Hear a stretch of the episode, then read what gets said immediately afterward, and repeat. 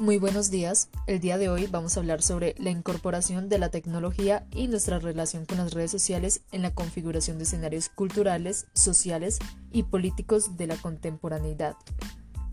Para poder abordar la temática, primero tenemos que tener pleno conocimiento de lo que significa ser contemporáneos, lo cual desde la perspectiva del filósofo Agamben implica tener una postura frente a nuestro tiempo, lo cual nos obliga a tener un alto nivel crítico.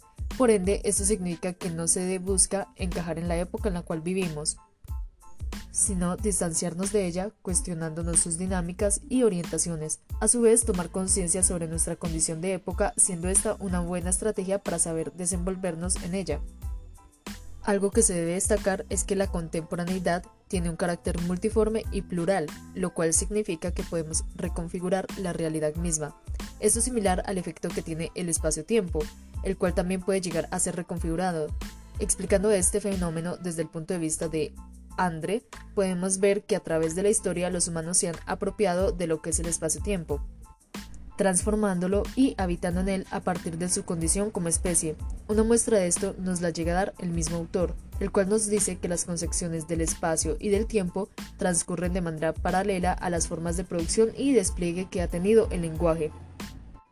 Si bien ya teniendo pleno conocimiento de lo anterior, ahora sí podemos abordar el tema principal de manera adecuada, dado que la incorporación de la tecnología a nuestra realidad, a pesar de ser una gran herramienta, ha creado una nueva realidad, una la cual podemos tener a nuestra disposición todo el tiempo, en la palma de nuestra mano, el celular.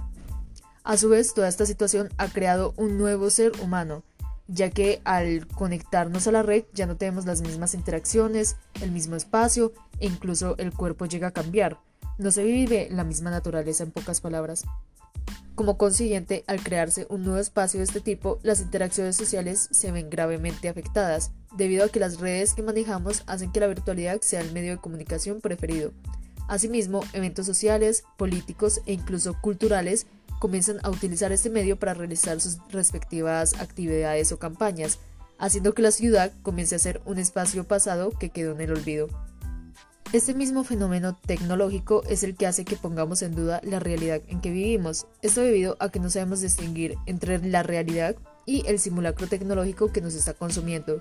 Después de todo, todo en exceso es malo y la utilización de estos medios no es la excepción. Entonces, como sujetos contemporáneos que somos, deberíamos de plantearnos, ¿queremos seguir viviendo a través de una simulación en una realidad codificada por el hombre o preferimos disfrutar de nuestra realidad actual sin necesidad de estar constantemente conectados a la red.